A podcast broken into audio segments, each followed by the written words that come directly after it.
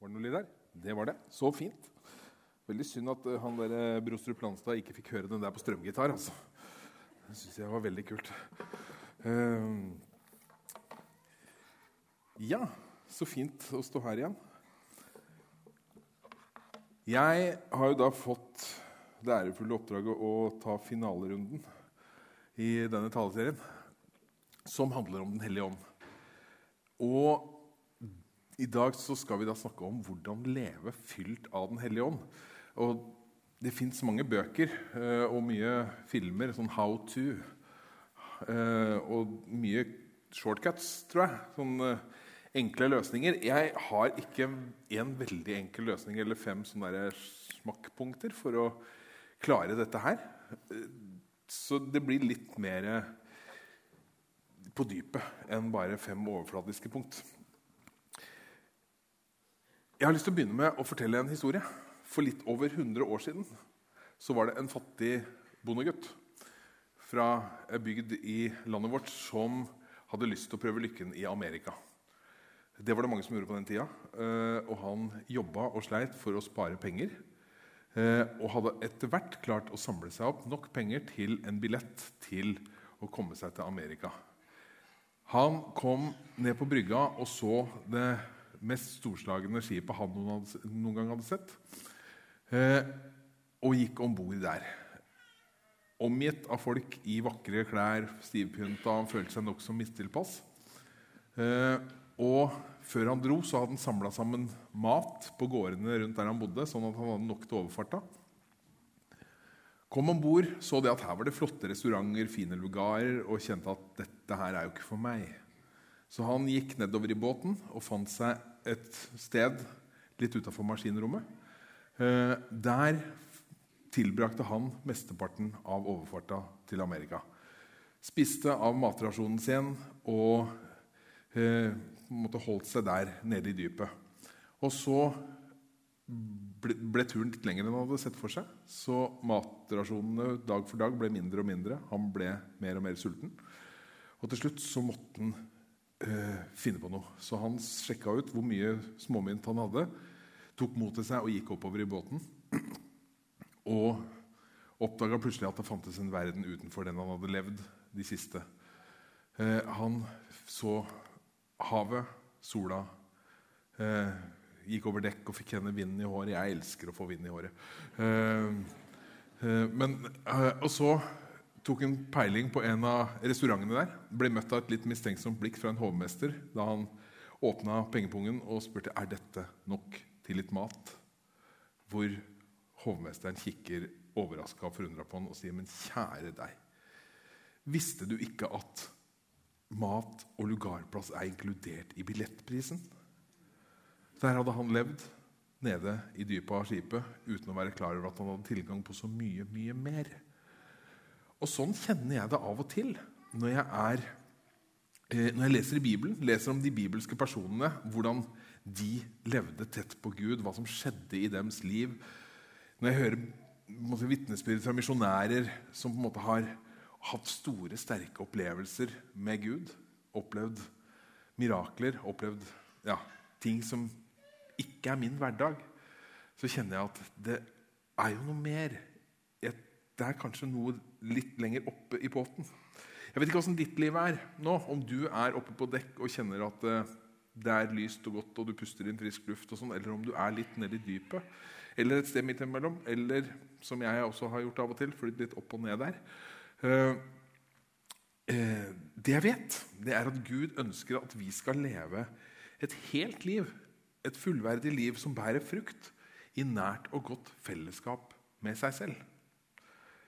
Og det livet har Gud allerede gitt oss. Det er betalt. Eh, det ligger i billettprisen. Og vi har også hørt altså det, det, Og det livet var det Den hellige ånd som skapte i oss. Uh, Førstemann som hørte om det livet som Den hellige ånd skapte, det var han her som sitter med ryggen til. Nikodemus. Han kom til Jesus om natta og var nysgjerrig på hva dette gikk i. Uh, og Jesus fortalte han at han måtte bli født på ny. Og da skjønte jo han ingenting. Så han måtte få det forklart. Og Jesus svarer sannelig, sannelig jeg sier deg, den som ikke blir født av vann og ånd, kan ikke komme inn i Guds rike. Det som er født av kjøtt, er kjøtt, og det som er født av ånd, er ånd. Så Det er altså Den hellige ånd som skaper liv.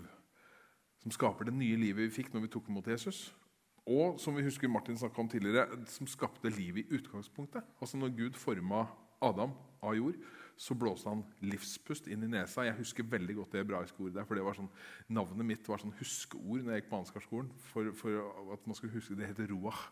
Eh, det er veldig tett på Roar. Eh, så alle, husk, alle mitt kull huska det. Eh, blåste livspust inn i nesa på mennesket. Men så skjer jo det at mennesket er ulydig, vender seg mot Gud, og den nære og gode relasjonen med Gud blir ødelagt. Og så øker ondskapen på jorda, står det. Og rett før Gud sendte storflommen på Noas sted, så står det noe litt spesielt. Eh, der står det at eh, 'min ånd skal ikke for alltid bo i menneskene', for de er bare svake skapninger, sier Gud. Deres levetid skal være 120 år. Eh, så Da virker det som Gud ved storflommen tok noe av den der åndsfylden han hadde gitt i mennesket til utgangspunktet, tok den tilbake. Men det stopper jo ikke der. Nå er det snart jul.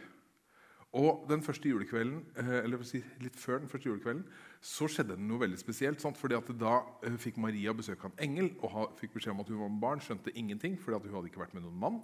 Og Josef ville gå fra Maria fordi han ville ikke føre skam over henne siden hun var gravid. og Da kommer en engel til han også. Og han sier, 'Vær ikke redd for å ta Maria hjem til deg som din hustru,' 'for barnet som er unnfanget henne, er av Den hellige ånd.' Og her skjer det noe.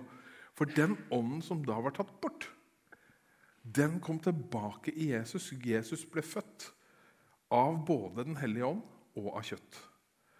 Og så når Jesus dør så, og står opp fra de døde, så beseirer han kjøttet, og så har ånden seira. Og dermed så kan vi på nytt motta hele den åndsfylden som var ment for oss fra starta pga. Jesus.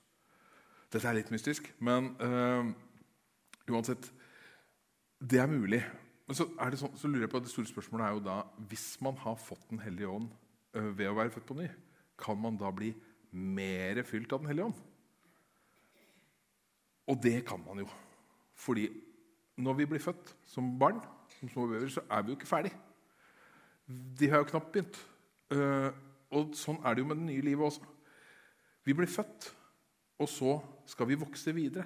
Og Det er jo det som er det fantastiske med livet Gud skaper. Altså Gud slutter jo ikke å skape det. Altså, han skaper det jo hele tida. Uh, og derfor så er det jo sånn at det, det livet vil jo Gud at skal vokse. Så han, Paulus skriver jo det. Kristus er blant dere håp om herligheten. Det er ham vi forkynner, vi rettleder og underviser alle mennesker til den fulle visdom for å føre hvert menneske fram til modenhet i Kristus. Så vi ble født på ny som barn, og så skal vi vokse og bli modne kristne. Og det blir vi ved å stadig la Gud jobbe i oss, stadig la oss fylle av Den hellige ånd. sant? Og det eneste som kan forsinke eller hindre denne veksten, det er vi. For, den, for, at Den hellige ånd skal kunne fortsette å skape den i oss og gjennom oss, må, det, så, må, så må, det, være plass. Det må være rom. Tenk deg at dette er livet ditt.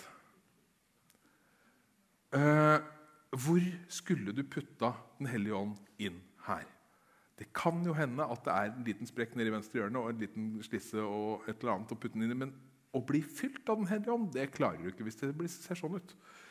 Og jeg føler av og til at livet mitt ser nettopp sånn ut.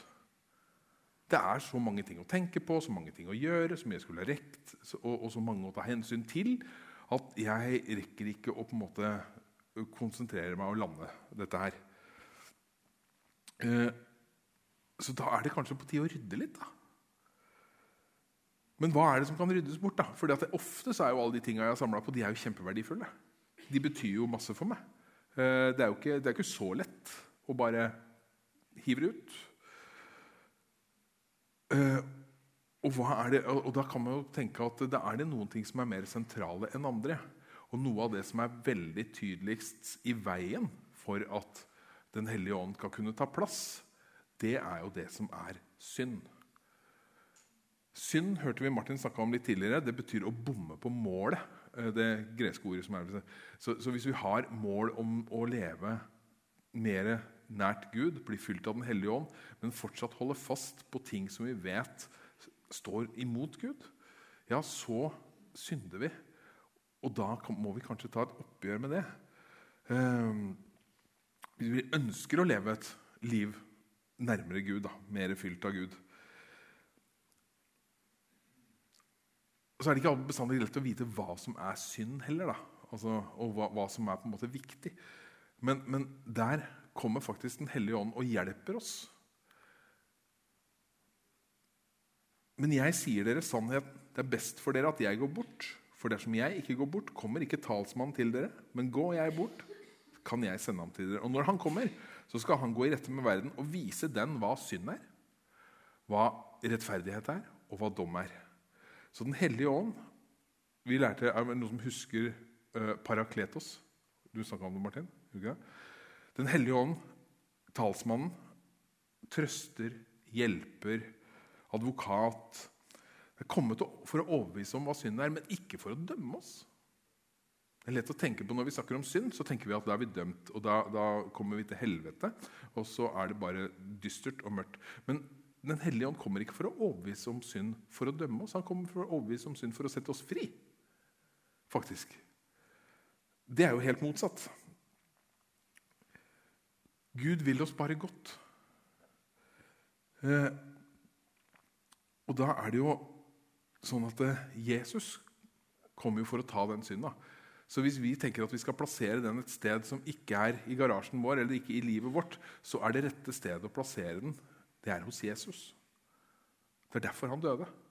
For å ta den ut av våre liv og på seg. Sant? Se der Guds lam som bærer verdens synd, sa Johannes døperen så sa han noe mer smart også, som jeg synes kan være nesten et litt slagord for den ryddeprosessen. Det er jo han skal vokse, jeg skal avta.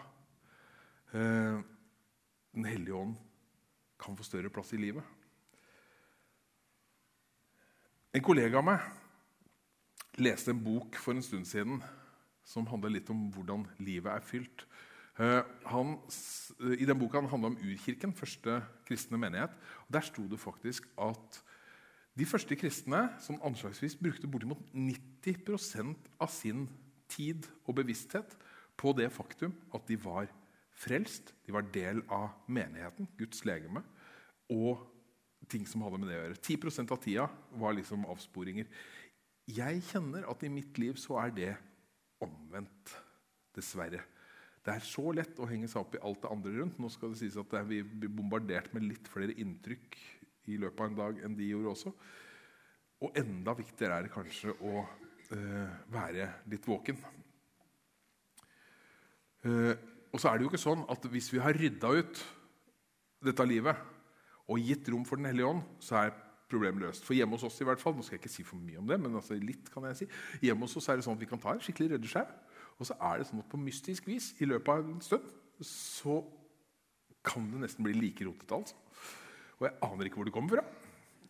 Eh, og det, det, er jo, det sier jo litt, da. Når jeg skulle kjøre Samuel på skolen her en dag og åpner opp garasjeporten, og jeg hører bakfra på 'Pappa, er det plass til bil i garasjen?' Ja, takk for den. Uh, ja. Så det er jo liksom sånn at det, det, det hoper seg opp igjen. Uh, så da er det jo på en måte om å gjøre å fylle det tomrommet som skapes ved rydding, med noe. Det er jo ikke sånn at eh, vi skal rydde og så skal det være tom. Vi skal rydde for å gjøre plass til Den hellige ånd. Altså, det skal fylles med Den hellige ånd. Og hvordan gjør vi det, da? Det er jo noen ting som er litt opplagte. Det er jo å søke stillhet. Jesus gjorde det. Han gikk til sida. Han tilbrakte alenetid med Gud eh, for å fortelle hva han hadde på hjertet, og for å høre hva Gud hadde å si. Eh, jeg synes det er fascinerende med den, er det noen som har hørt på Øystein og Chris? en sånn dokke og en mann. Altså, de, de, snakker om bare Gud-tid. hvor altså, Øystein, da, den dokka, så Det må, kan jo ikke være noe problem. Eh, det er jo mye verre for tid uten Gud. fordi at Gud er jo overalt uansett hele tiden. Eh, og det syns jeg for så vidt var et godt poeng. Eh, det sier jo noe om at det er innen rekkevidde. Vi vet at ved å søke Guds ord Bibelen er jo den mest fantastiske boka som fins. Det er lest veldig mye bøker, men det er ingen som overrasker meg mer enn den her. Og det er jo fordi det ikke er en vanlig bok. Det er Guds ord til oss, det er et levende ord. Og hvis vi leser den i samarbeid med Den hellige ånd, altså, og lar oss lede av Den hellige ånd, så vil vi jo oppdage noe hellige, og det skaper liv inni oss. Da skaper ånden liv. Bruker dette ordet her til å skape liv inni oss og til å ta plass. Så det å bruke tid på å lese i Bibelen og søke Den hellige ånds ledelse på det Du kan lese den veldig feil også, uh, har jeg merka meg. Men søke Den hellige ånds ledelse i den prosessen, så tar det plass og skal, lar livet vokse i oss. Så det er jo en veldig fin ting. Og så er det um, det at vi hørte Martin sa, sa det, altså Jesus sa at jeg kaller det ikke lenger tjenere, men venner. Den hellige ånd vil jo være vår venn. Uh, og et vennskap, i hvert fall hvis det skal være godt, må jo pleies. Må jo ha kontakt. Altså, Jeg har gode venner for så vidt, som jeg vet fortsatt er der, som er langt unna. Men det vennskapet er jo ikke spesielt fruktbart. Det er liksom et sånn stillestående vennskap. Kan hooke opp igjen når det trengs, eller når det faller seg sånn. Men de beste vennskapene som, som virker, er jo de man pleier daglig. Eller i hvert fall regelmessig. Og når vi gjør det med Den hellige ånd, så skjer det noe med oss. Så er det sånn Dette vet vi. Men gjør vi det? Jeg sliter jo med det. Jeg glipper jo på dette her. Og det er jo så rart. Fordi vi vet jo hva som er best for oss. Og så lar vi være å gjøre det. Og det er jo ikke Det har sin forklaring. For det første så har vi faktisk en motstander, djevelen, som øh, bruker utrolig mye krefter og ressurser på å hindre oss i å få til disse møtene med Den hellige ånd, få utvikla dette livet. Og så er det ikke sånn at han jobber helt i et vakuum. For i meg og i deg så er det fortsatt krefter som drar i motsatt retning. Som gjør det enkelt for motstanderen å finne ting å, å, å henge, henge gærne ting på. Sånn at, det, sånn at det, vi søker jo ikke det beste for oss sjøl og, og, og, er jo ikke snille med oss sjøl. Så hvorfor vi på død og liv da tenker at vi, det er best at jeg har herredømme i livet, det er jo litt rart. Fordi å gi herredømme til Jesus ville jo faktisk letta veldig mye. Og så er det jo sånn at Den hellige ånd er jo ikke bare til stede når vi går til side. Når vi setter oss ned med Bibel, ber, konsentrerer oss. Han han er jo også til stede når vi gjør vanlige ting. Jeg vet ikke hvor mange av dere som holder på med dette her, men noen gjør det òg. Eh, han er med i livet vi lever, hele tida. Eh, og det er en kar som heter broder Laurentius. Det er ikke helt tilfeldig at jeg valgte det bildet. Han var karmelittmunk på 1600-tallet. Han har etterlatt seg noen brev og noen, og, og noen referater fra noen samtaler som er samla i en bok som heter 'Å venne seg til å leve nær Gud. Og han var så eh, oppsatt på å ha denne kontakten, denne nære relasjonen, pleie den kontakten og la Gud leve i livet sitt i alt han gjorde, i det daglige, at det ble en veldig sånn rutine for ham. Og han forteller sjøl i boka at dette måtte han øve på. Dette kom ikke av seg sjøl. Men så er det så deilig han er så befriende fordi han sier at det, når han glapp på det, så gjorde de ingenting. Da begynte han bare på igjen. Så det var ikke noe selvfordømmelse. Det var ikke noe, det var ikke noe sånn der, å nei, jeg, det, det, blir som på en måte for folk som skal slutte å røyke, liksom, og så sprekker de på én røyk, og da kan de ikke ta en, og en til. Og en. altså, det var ikke sånn. Eh, han prøvde på nytt og på nytt og var like på en måte optimistisk og like fri i sin omgang med Gud hele tida. Og oppdager jo da etter hvert at det begynner å prege livet hans veldig. Og Jeg skal lese et lite utdrag fra boka. Det står at Guds nåde alltid og under alle forhold står til rådighet, hadde han opplevet. Denne erfaringen hadde lært ham at han ikke på forhånd skulle tenke på de oppgaver han måtte ta ansvar for. Når tiden var inne for å ta fatt, fant han hos Gud som i et klart speil alt som var nødvendig å gjøre. I lang tid hadde han handlet slik, uten bekymring for morgendagen. Men før han gjorde seg disse erfaringene, følte han seg ofte engstelig for de forretningsmessige gjøremål som var lagt på ham. Når han ble så opptatt med dagligdagse gjøremål at de forstyrret samfunnet med Gud, ga Gud ham en påminnelse. Det fylte og varmet hans sjel, slik at han vanskelig kunne bevare kontrollen over seg selv. Han opplevde Gud mer nær i de daglige gjøremål enn når han trakk seg tilbake i ensomhet for å be. Så dette er en mann som på en måte lot Gud jobbe i livet sitt uansett hva han drev med. Når han var ute og, og dyrka på marka eller jobba på kjøen, hadde kjøkkentjeneste veldig mye. Og alt gjorde han for Gud. Gud var, som han skriver, Gud var både målet og middelet for alt han gjorde. Og det gir jo Den hellige ånd stor plass i livet.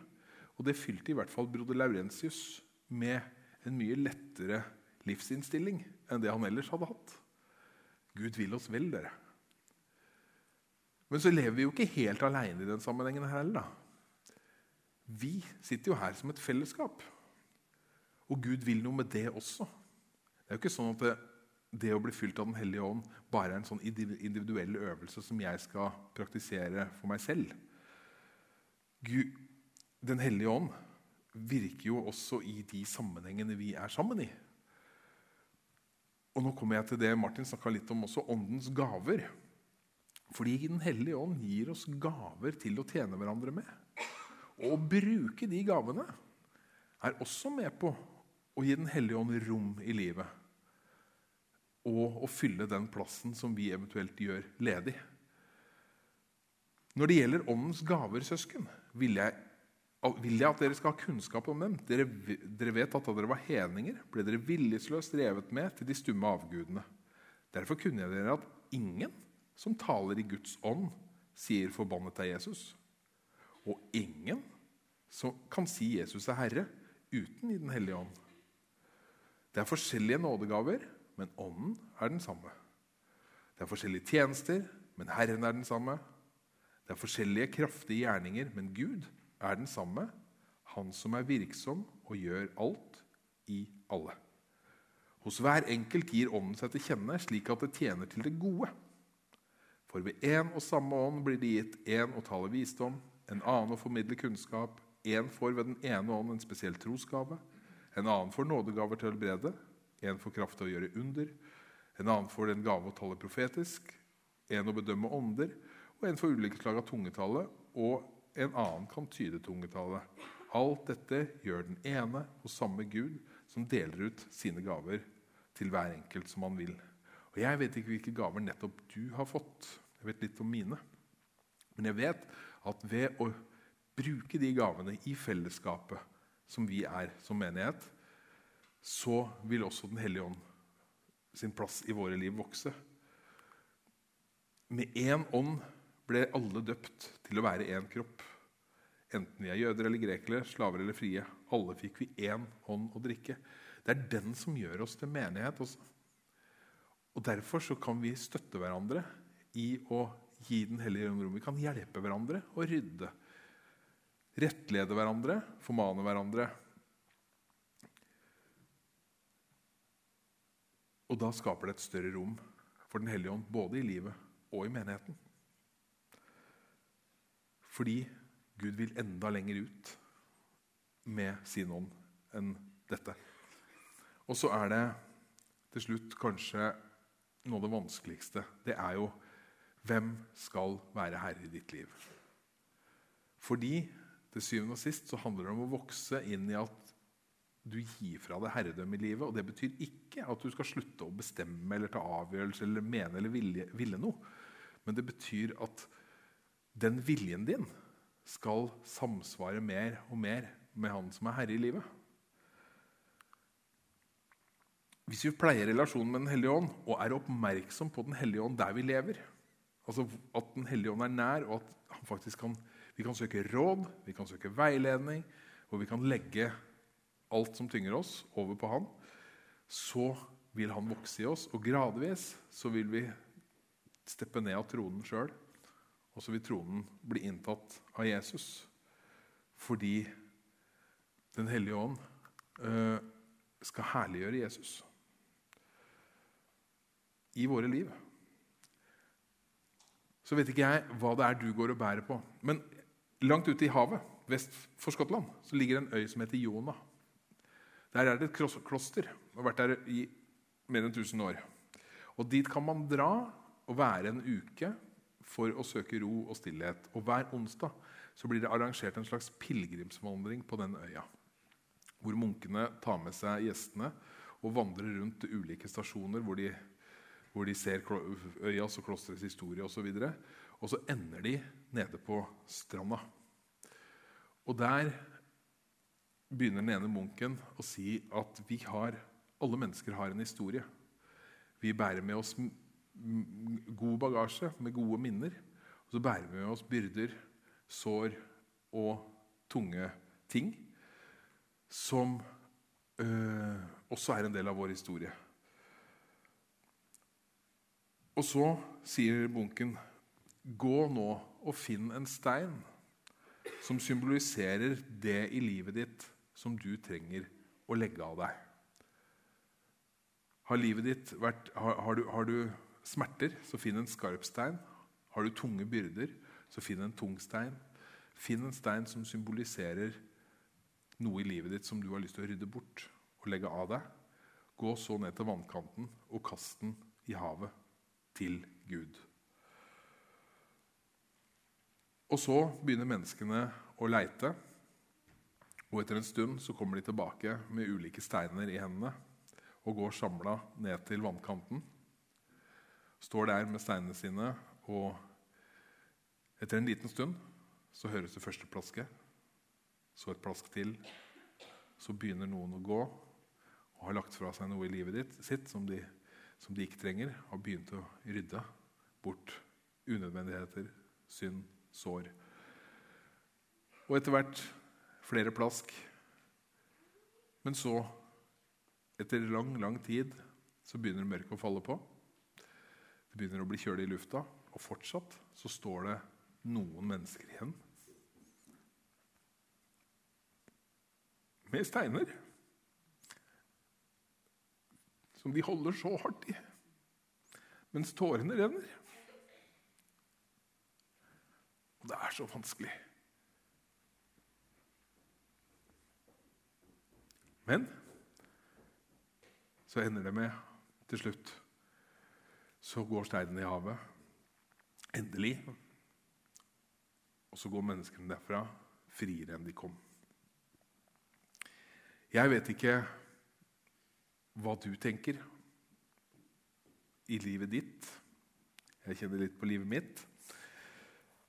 Vi har ikke steiner som vi kan kaste i noe hav her inne. Men vi har en lysglobe, vi har eh, bønnelapper, og vi har en krok der nede hvor du kan få forbønn. Hvor det er mulig å på ulike måter legge av deg, rydde bort og åpne plass for Den hellige ånd. Men ikke rydd uten å ta imot Den hellige ånd.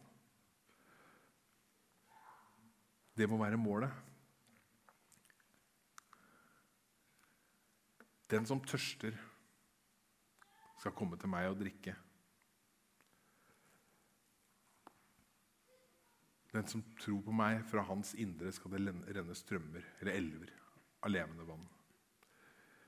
Gud vil at vi skal komme oss opp fra bunnen av båten, opp på dekk, og rydde plass da, til å leve det ordentlige livet som han vil la vokse i oss hver dag.